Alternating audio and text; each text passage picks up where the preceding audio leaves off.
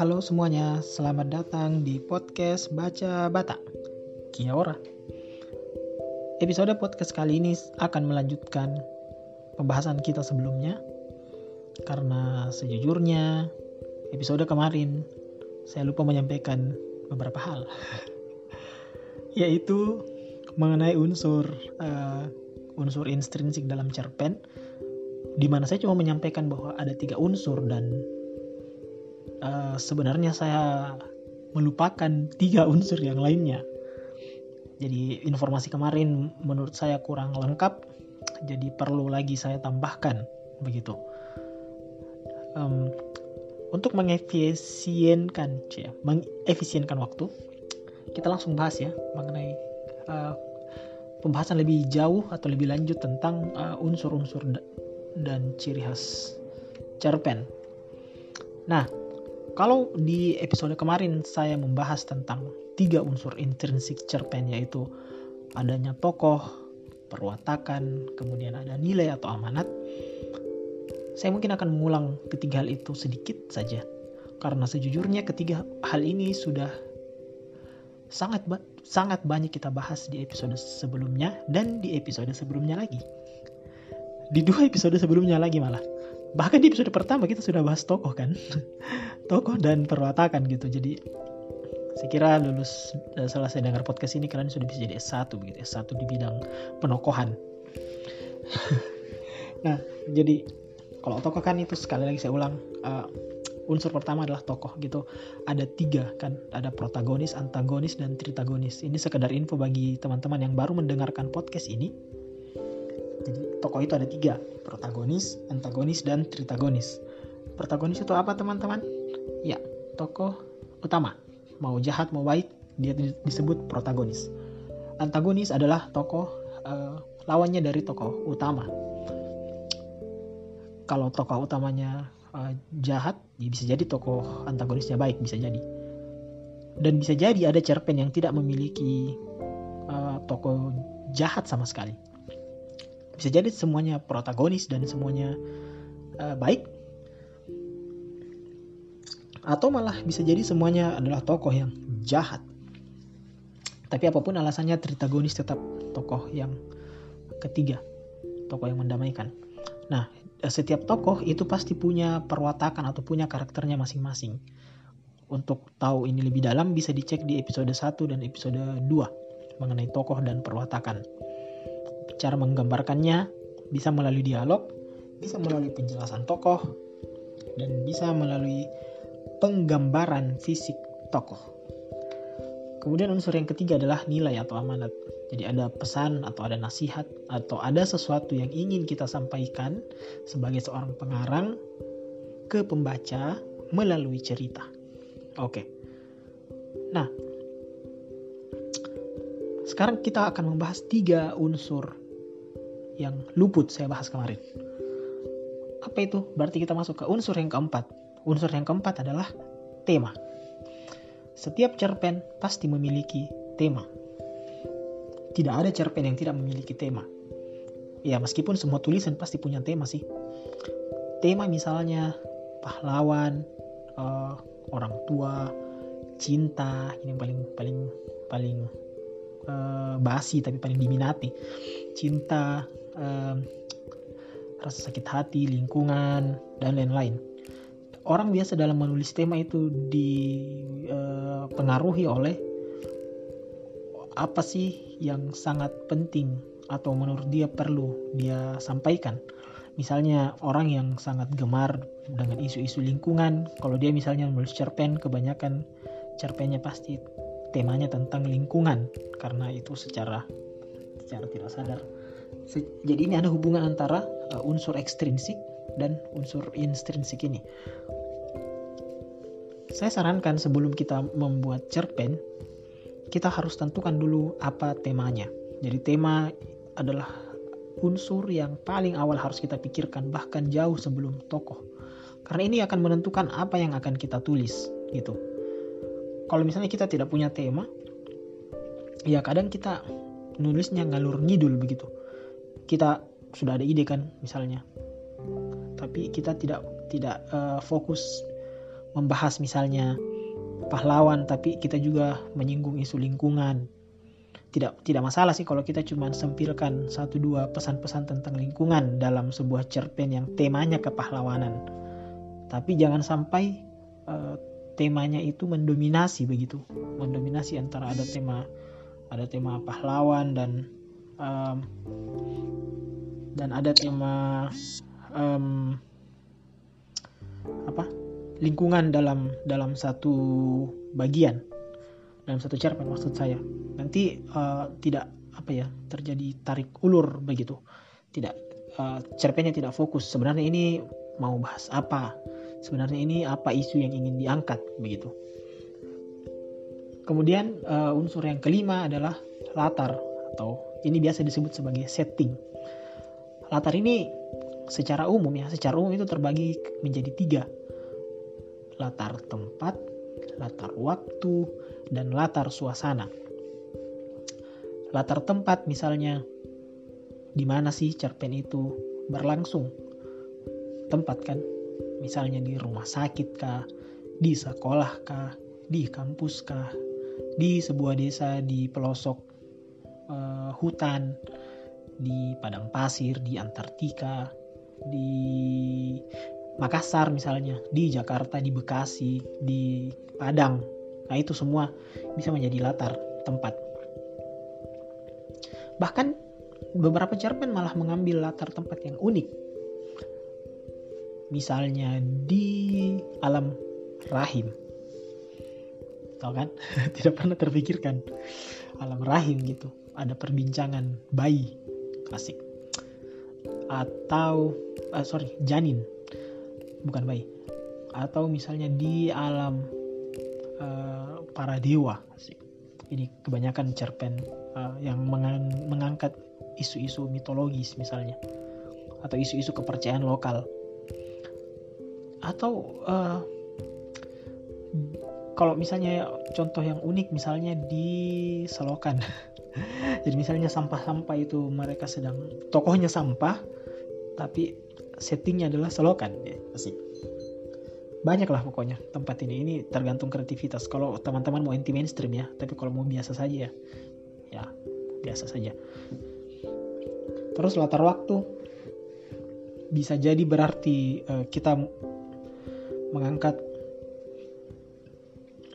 waktu secara uh, temporal maksudnya uh, bagaimana saya menjelaskannya? Kayak kan kita mengenal waktu itu ada yang kita sebut sebagai waktu yang berjalan begitu kayak jam, detik, hari, minggu, bulan, tahun dan segala macam. Itu juga itu adalah waktu. Atau misalnya maghrib, senja, sore, siang, uh, malam, tengah malam, sepertiga malam, subuh. Nah itu juga waktu.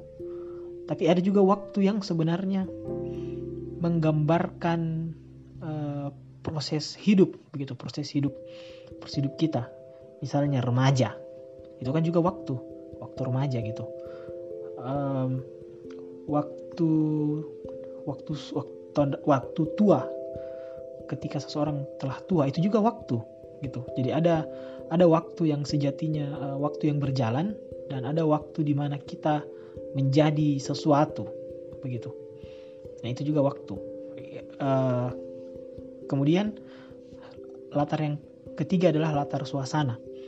Misalnya suasananya membahagiakan, suasana mencekam, suasananya ceria, suasananya uh, menggalaukan, suasananya penuh dengan emosi, amarah dan lain-lain. Uh, ketiga latar ini, tempat, waktu, dan suasana, itu bisa kita gambarkan secara deskriptif dan sebaiknya memang deskriptif kalau saran saya sih karena supaya orang bisa atau pembaca bisa masuk ke dalam dunia cerpen yang kita bangun begitu. Contoh ketika kita menuliskan uh, latar waktu misalnya senja. Ya ini senja karena sekarang lagi naik daun tuh senja empire penikmat senja kopi. nah, contoh kita gambarkan burung petang beterbangan di langit Makassar.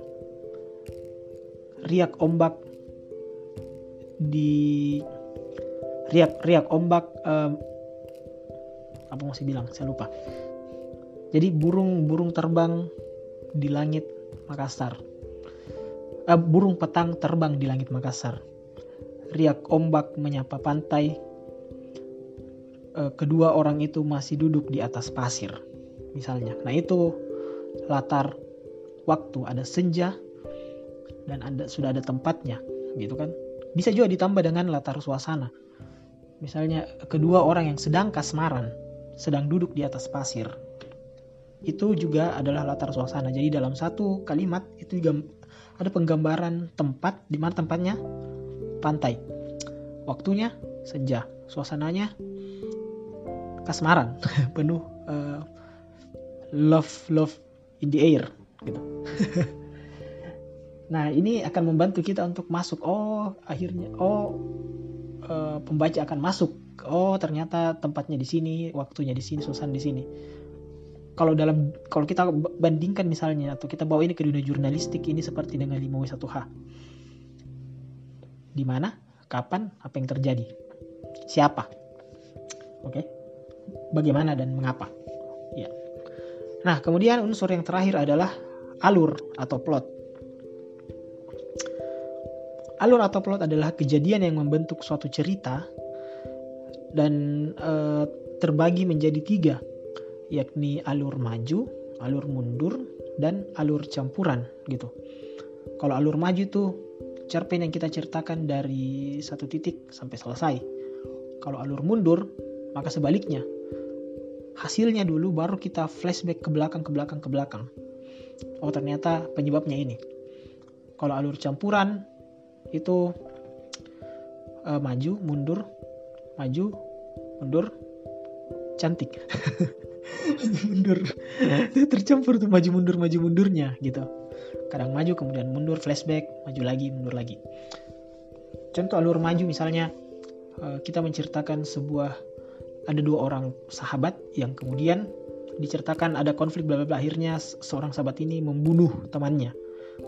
Uh, endingnya kan uh, temannya meninggal gitu. Itu alur maju. Kalau alur mundur yang digambarkan pertama adalah meninggalnya si orang ini. Meninggalnya kemudian baru di flashback apa sih yang terjadi? Kenapa orang ini bisa meninggal? Gitu kan? Jadi ada uh, hasil kemudian diceritakan prosesnya dan penyebabnya. Itu alur mundur. Kalau alur maju penyebabnya dulu prosesnya dan hasilnya. Sementara alur campuran itu kadang uh, maju mundur maju mundur cantik ya. Saya lebih senang kalau saya pribadi kadang saya lebih suka pakai alur maju tapi uh, supaya saya merasa lebih tertantang saya lebih sering pakai alur campuran lebih asik. Nah uh, kalau alur campuran misalnya sederhananya teman-teman bisa mendingan kalau dulu nonton ada rahasia ada tuh film uh, rahasia ilahi itu sinetron sinetron rahasia ilahi. Nah itu itu. Alur campuran itu yang disuting dulu di akhirnya. Oh ternyata kuburannya ini kenapa ini kuburannya? Meledak. Misalnya atau oh jenazahnya terbu ter ter apa? Uh, apa itu? Jenazahnya masuk di mobil molen. Terus dicor.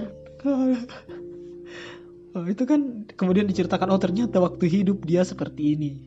Kemudian diceritakan lagi oh ketika uh, apa uh, kerandanya di diangkat menuju kuburan uh, jenazahnya terguling masuk selokan. Kemudian diceritakan lagi flashback ke belakang. Waktu beliau masih waktu dia masih hidup oh ternyata pernah melakukan riba misalnya atau pernah apa gitu. Nah itu itu contohnya. Contoh yang paling masuk di tanda kutip logika kita untuk bagaimana sih itu alur campuran yang seperti itu tuh contoh sederhananya. Nah secara umum ini teman-teman uh, alur cerpen itu ada pengantar jadi ada pengantar dulu kemudian ada masalah dan ada klimaks, terus anti klimaks dan solusi. Pengantar itu biasanya kita uh, gambarkan dengan deskripsi belaka saja, deskripsi pengenalan tokoh dan lain-lain. Kemudian mulai muncullah masalah, terus uh, di akhir masalah apa konfliknya itu konflik kemudian memuncak konfliknya apa yang terjadi di di uh, konfliknya itu jadi masalah ini menjadi penyebab konfliknya klimaksnya kemudian setelah itu ada anti klimaks mulai mulai menurun lalu di akhir ada solusi alias ending gitu nah ending ini pun dia uh, terbagi tiga ada ending terbuka, ada ending tertutup, dan ada ending yang unpredictable atau tidak tidak ketebak gitu. Ending terbuka ya, ending tertutup misalnya mereka hidup bahagia selamanya. Happy ending atau sad ending.